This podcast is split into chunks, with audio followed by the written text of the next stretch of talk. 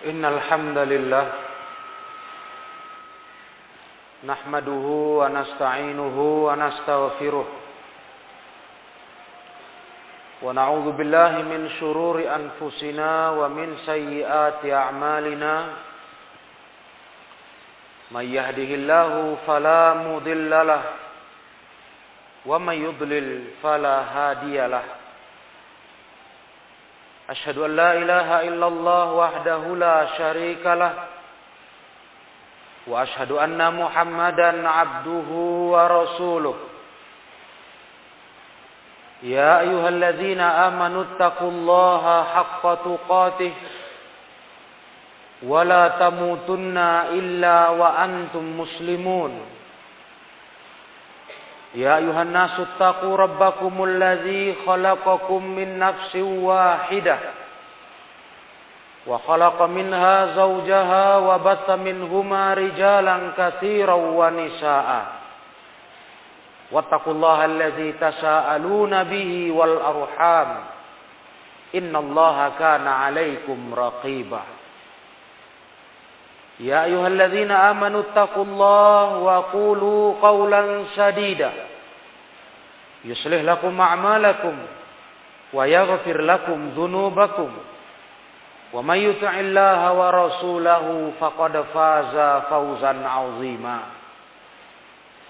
فإن أصدق الحديث كتاب الله تعالى وخير الهدى هدى رسول الله صلى الله عليه وسلم وشر الأمور محدثاتها فإن كل محدثة بدعة wa kulla bid'atin dolalah wa kulla dolalatin finnar. Amma ba'd jemaah kaum muslimin yang dirahmati Allah tabaraka wa taala. Alhamdulillah senantiasa kita ucapkan puji syukur kepada Allah. Allah yang maha mulia. Allah yang maha bijaksana. Yang maha pengasih dan penyayang. Masih terus melimpahkan rahmatnya kepada kita hingga kita masih dapat terus beribadah kepada Allah Subhanahu wa taala sampai dengan di siang hari Jumat ini. Salawat dan salam tidak kita lupakan untuk Nabi Muhammad sallallahu alaihi wasallam. Kita berharap sebagai umat beliau yang senantiasa berusaha untuk mengamalkan ajarannya menjalankan sunnahnya.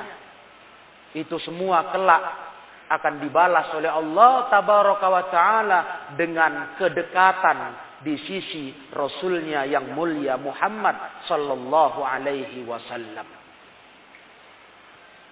Ma'asyiral muslimin jemaah Jumat rahimakumullah. Rasulullah sallallahu alaihi wasallam sudah selesai sudah tuntas mengajarkan kebaikan untuk kita umatnya. Tidak satupun kebaikan yang tinggal yang belum disampaikan oleh beliau ketika beliau dipanggil menghadap Allah Subhanahu wa taala. Semua ajaran kebaikan sudah diajarkan Nabi kepada umatnya maka tinggallah umatnya, kita sebagai umat beliau. Untuk mengambil kebaikan-kebaikan itu, untuk menjemputnya. Tidak menunggunya. Tidak berpikir menunggu datangnya hidayah. Tidak menunggu datangnya hidayah menghampiri kita. Tapi kita menjemput dan mencarinya. Karena sudah ditinggalkan kebaikan-kebaikan agama ini oleh Rasulullah Sallallahu Alaihi Wasallam dengan sempurna. Allah Taala berfirman menegaskan hal itu. Wama anzalna ilaika dzikra litubayyana lin-nasi ma nuzzila ilaihim wa la'allahum yatafakkarun. Simak ayat ini kaum muslimin yang mulia, surah An-Nahl ayat 44. Allah berfirman, tidaklah Apa yang kami turunkan kepadamu berupa az-zikra, Al-Quran. Dan itu sumber kebaikan dalam kehidupan ini. Kecuali untuk kau terangkan itu ke manusia. Apa yang diturunkan untuk mereka. Dan itu sudah Rasul lakukan jemaah Jumat. Rasul tinggalkan kita. Menghadap Allah dengan seluruh syariat yang beliau mendapatkan amanah menyampaikannya. Beliau sampaikan. Tinggal di kitanya yang Allah firmankan di ayat ini. Wala'allahum yatafakkarun. Tinggal merekanya kata Allah manusia-manusia maukah berpikir untuk menggapai hidayah dari Allah, menggapai kebaikan ajaran Rasulullah sallallahu alaihi wasallam. Akhir ayat ini jemaah yang mulia menegaskan itu. Wala'allahum yatafakkarun. Agar mereka manusia mau berpikir. Berpikir untuk mendapatkannya. Berpikir untuk meraihnya. Tidak menunggu menanti. Ini tugas pertama kita sebagai umat Nabi Muhammad sallallahu alaihi wasallam. Kebaikan sudah ditebar. Kebaikan sudah diajarkan. Kita punya tugas untuk mengerai, menggapai kebaikan itu sebagai hidayah untuk kehidupan kita. Karena memang itu yang diinginkan Allah tabaraka wa ta'ala. Wala'allahum yatafakkarun. Supaya manusia mau berpikir untuk itu.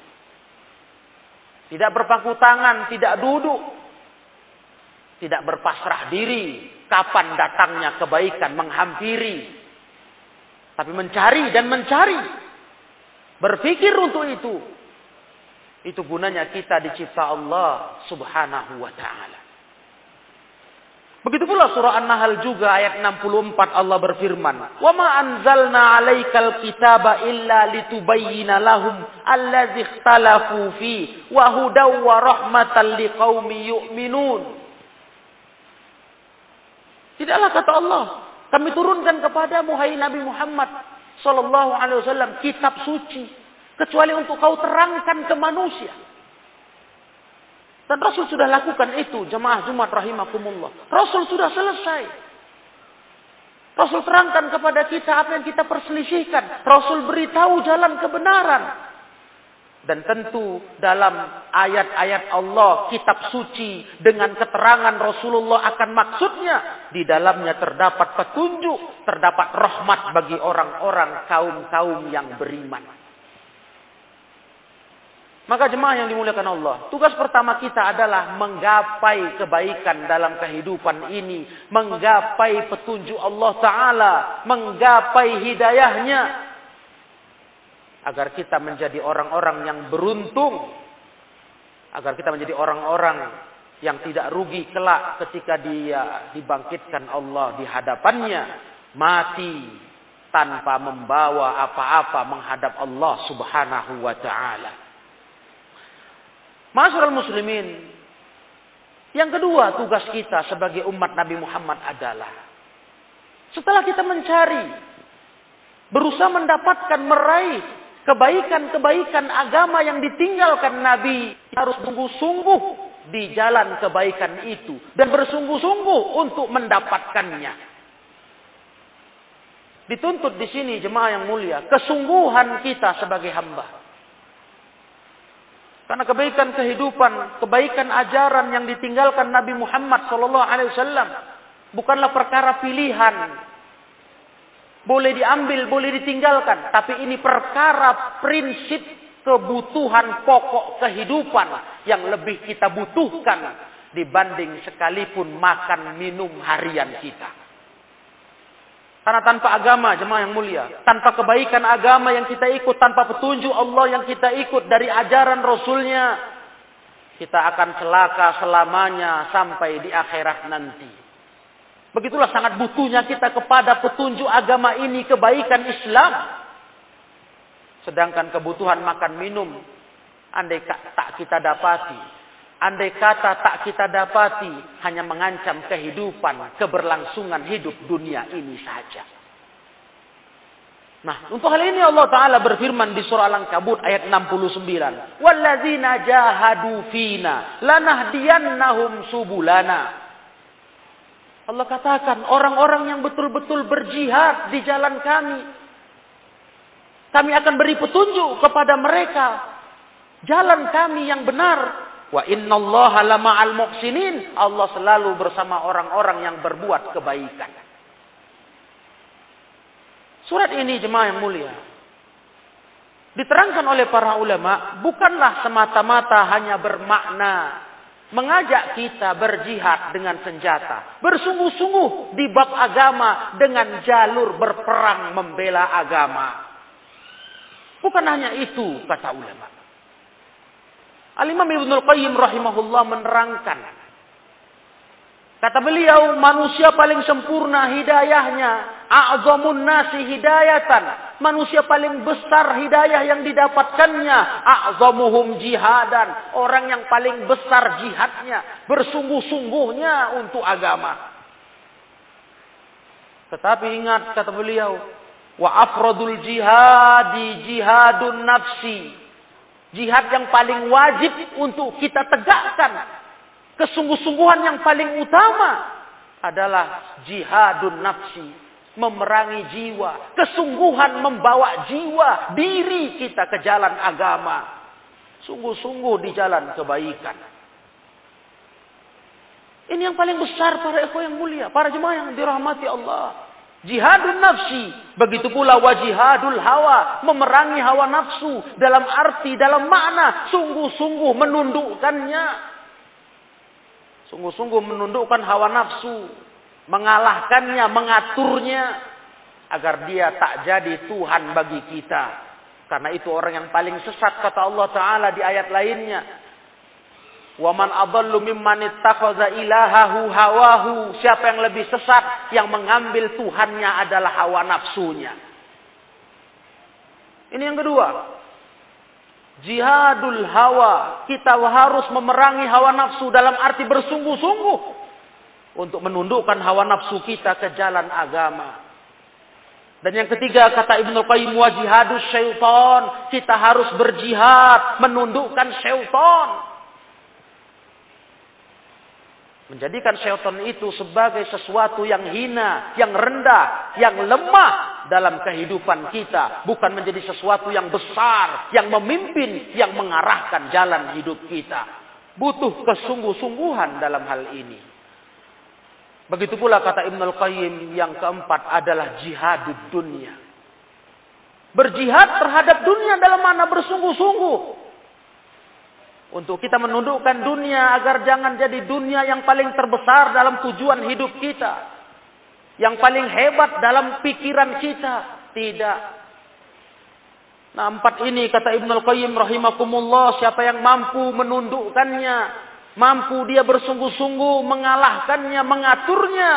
Faman jahada hadhil arba'ata fillah. Hadahullahu subula mardatihi al-musilah ila jannati. Maka Allah tabaraka wa taala akan memberikan kepada dia hidayahnya. Allah akan bimbing dia, Allah akan berikan hidayahnya. Allah akan beri dia jalan yang diridhoinya, yang itu akan mengantarkan dia kepada surganya Allah Subhanahu wa taala. Maka di khutbah ini jemaah yang dimuliakan Allah, saya ingin menegaskan untuk kita bersama berada di atas jalan agama di atas hidayah, di atas ajaran Nabi Muhammad SAW, di jalan kebaikan, butuh keseriusan, butuh kesungguhan, kesungguhan mengamalkan perintah Allah, kesungguhan mengerjakan apa yang disuruh Allah, kesungguhan meninggalkan larangan Allah, menjauhi yang dibenci Allah, butuh kesungguhan. Butuh kesungguhan ma'asyurul muslimin yang mulia. Tidak mungkin kita meraih, mendapatkan keberhasilan, kesuksesan di sisi Allah. Kalau kita tak bersungguh-sungguh dengan agama Allah Ta'ala. Tidak serius mengikuti ajaran sunnah Rasulullah Sallallahu Alaihi Wasallam. Adalah merupakan tipu daya syaitan yang sering hinggap di pikiran kita manusia. Untuk berpasrah diri. Menyerahkan urusan nasib kita hanya kepada Allah Ta'ala. Padahal Allah Ta'ala memberikan kita pilihan. Allah berikan kita pilihan untuk mana yang mau kita ikuti dengan kesungguhan hati. Antara jalan keburukan dengan jalan kebaikan. Allah utus Rasulnya untuk menunjuki kita jalan kebaikan. Ini menunjukkan apa para jemaah? Kita diberi Allah pilihan. Diberi Allah pilihan penentuan mana langkah jalan mau kita tempuh. Mana jalan yang mau kita ikut dan bagaimana sikap kita di jalan itu.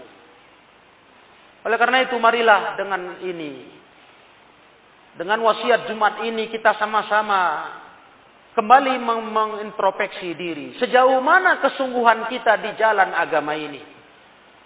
Sejauh mana keseriusan kita para jemaah di jalan apa yang Nabi tinggalkan untuk umat ini? Adakah kita? Mungkinkah kita hanya sekedar termasuk golongan orang-orang yang sekedar ala kadar saja memandang agama. Sekedar jangan saya lupakan agama ini. Sekedar saya ingat. Tak sampai lupa sama sekali. Ataukah kita termasuk orang-orang yang betul-betul peduli dengan urusan agama ini. Untuk jalan kebaikan hidup ini. Terus meningkatkan mutu. Meningkatkan mutu ketaatan, ibadah kepada Allah tabaraka wa taala. Karena tidak ada lain jemaah Jumat rahimakumullah. Kebaikanlah agama yang kita ikut dan kita amalkan inilah yang kelak akan membawa keuntungan untuk kehidupan akhirat kita. Urusan dunia dengan segala pernak-pernik isinya akan kita tinggalkan. Akan kita tinggalkan dan tak akan bisa menolong kita kelak di depan Allah. Keluarga tercinta, anak istri terkasih, harta-harta, aset-aset kita semua tinggal. Malah yang ikut kita bawa mati pertanggungjawabannya. Keuntungannya tidak ada. Bayangkan para jemaah betapa meruginya kehidupan seorang hamba yang tidak serius di jalan agama dan dia malah lebih perhatian dengan urusan dunia yang pasti dia tinggalkan. Tak satu pun dia bawa ke liang lahatnya. Mudah-mudahan Allah tabaraka wa taala memudahkan kita melancarkan urusan kita di jalan kebaikan. Dan itu semua kembali ke diri-diri kita. Karena Allah tadi berfirman di surah An-Nahl ayat 44 wala'allahum yatafakkarun. Allah kembalikan ke kita setelah Allah terangkan Nabi menjelaskan apa yang Allah turunkan kepada beliau. Nah Allah berkata, itu semua agar mereka hamba-hamba Allah ini, umat Nabi Muhammad ini mau berpikir, diserahkan ke kita. Mana jalan yang mau kita tempuh. Maka janganlah salah jalan para jemaah yang mulia. Jadilah orang-orang yang bersungguh-sungguh di jalan apa yang diridhai Allah Ta'ala. Di jalan kebaikan agama. Di jalan sunnah Rasulullah Sallallahu Alaihi Wasallam. Aku lu qawli hadha. Wa astaghfirullah li walakum walisairil muslimin wal muslimat. Fastaghfiruh. Innahu huwal ghafurur rahim.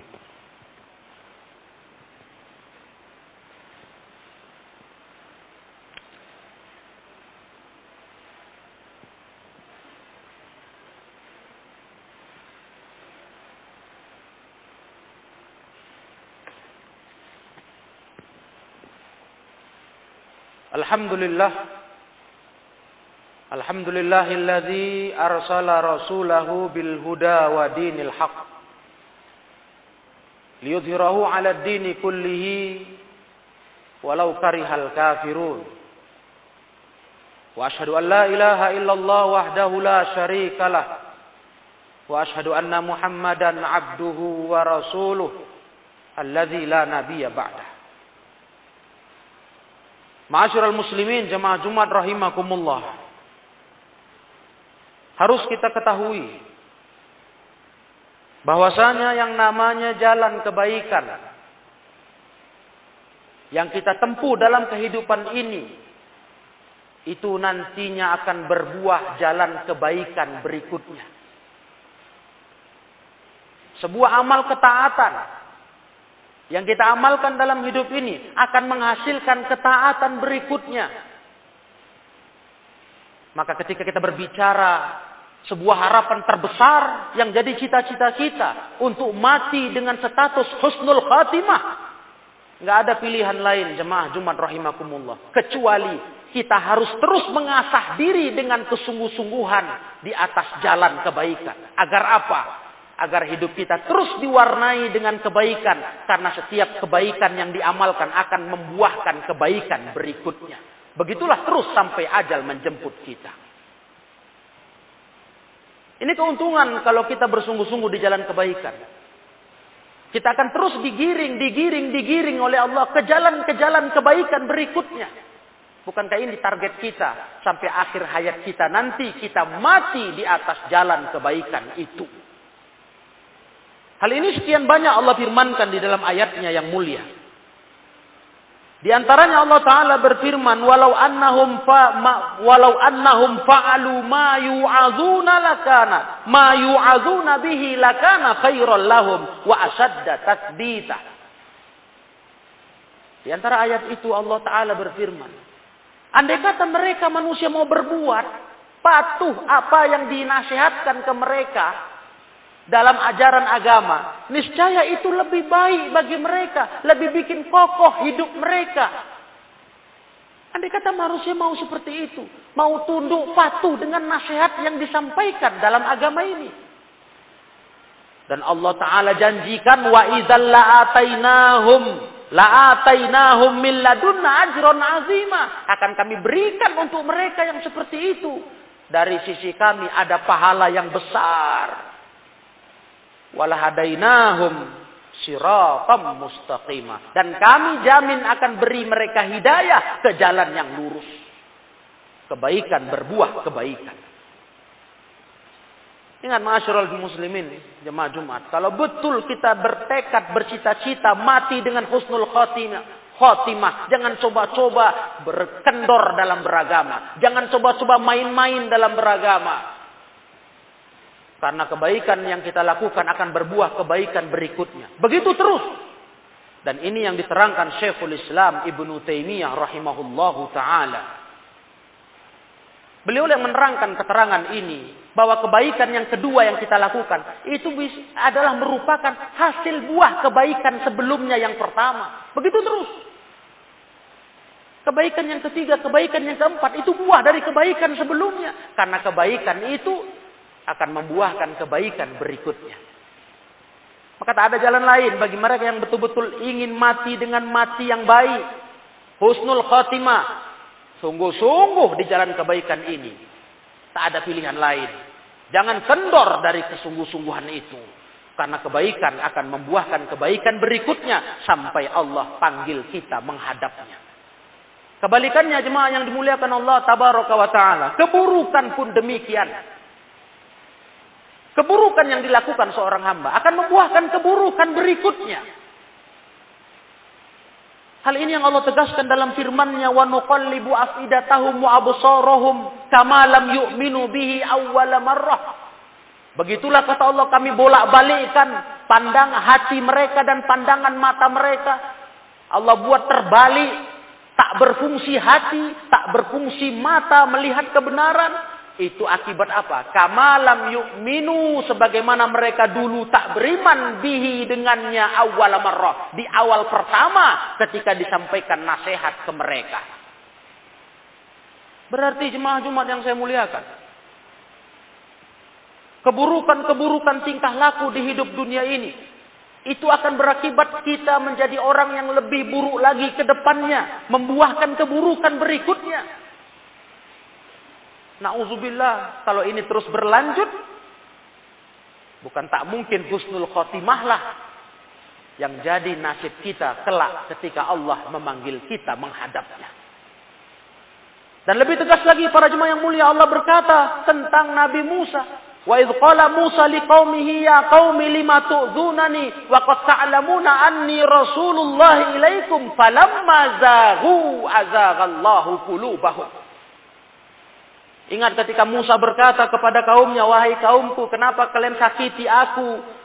Sedangkan kalian tahu aku ini utusan Allah kepada kalian. Maka kata Allah, falam mazahu ketika mereka zahu menyimpang, azaghallahu qulubahum. Allah buat menyimpang hati mereka.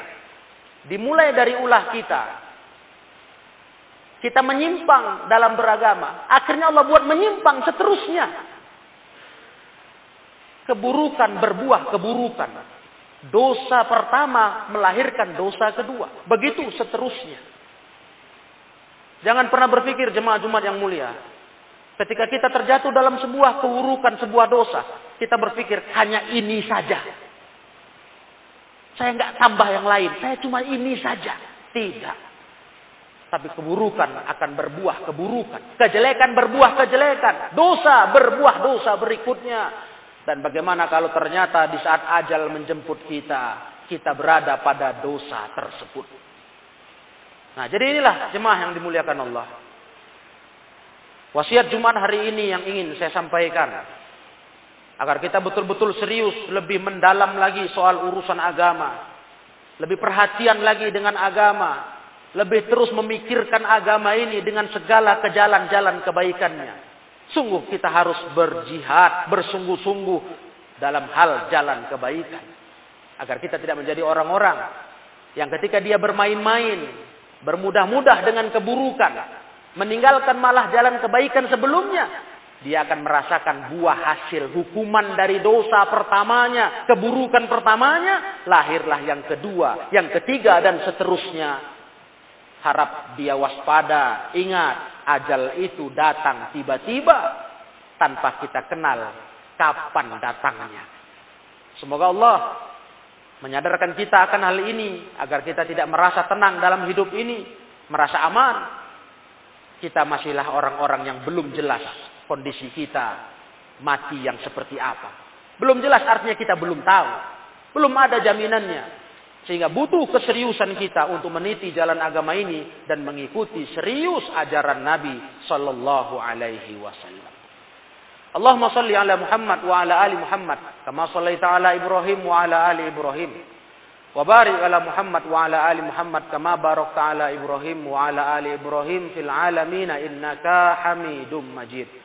Allahumma ighfir lil muslimina wal muslimat wal mu'minina wal mu'minat al ahya'i minhum wal amwat innaka sami'un qaribun mujibud da'wat faya qadiyal hajat Allahumma la taj'alid dunya akbar hammina wa la mablagha ilmina wa la tusallit alaina man la yakhafuka wa la yarhamuna. Allahumma arzuqna lizzatan nazar ila wajhikal karim bi rahmatika ya, ya arhamar rahimin. Allahumma hdina ila siratikal mustaqim. Siratal ladzina an'amta alaihim ghairil maghdubi alaihim waladdallin. Allahumma inna nas'aluka ridhaka wal jannah wa na'udzubika min sakhatika wan nar wa na'udzubika min sakhatika wan nar rabbana hab lana min azwajina wa dhurriyyatina qurrata a'yun waj'alna lil muttaqina imama rabbana atina fid dunya hasanah wa fil akhirati hasanah wa qina azaban nar walhamdulillahi rabbil alamin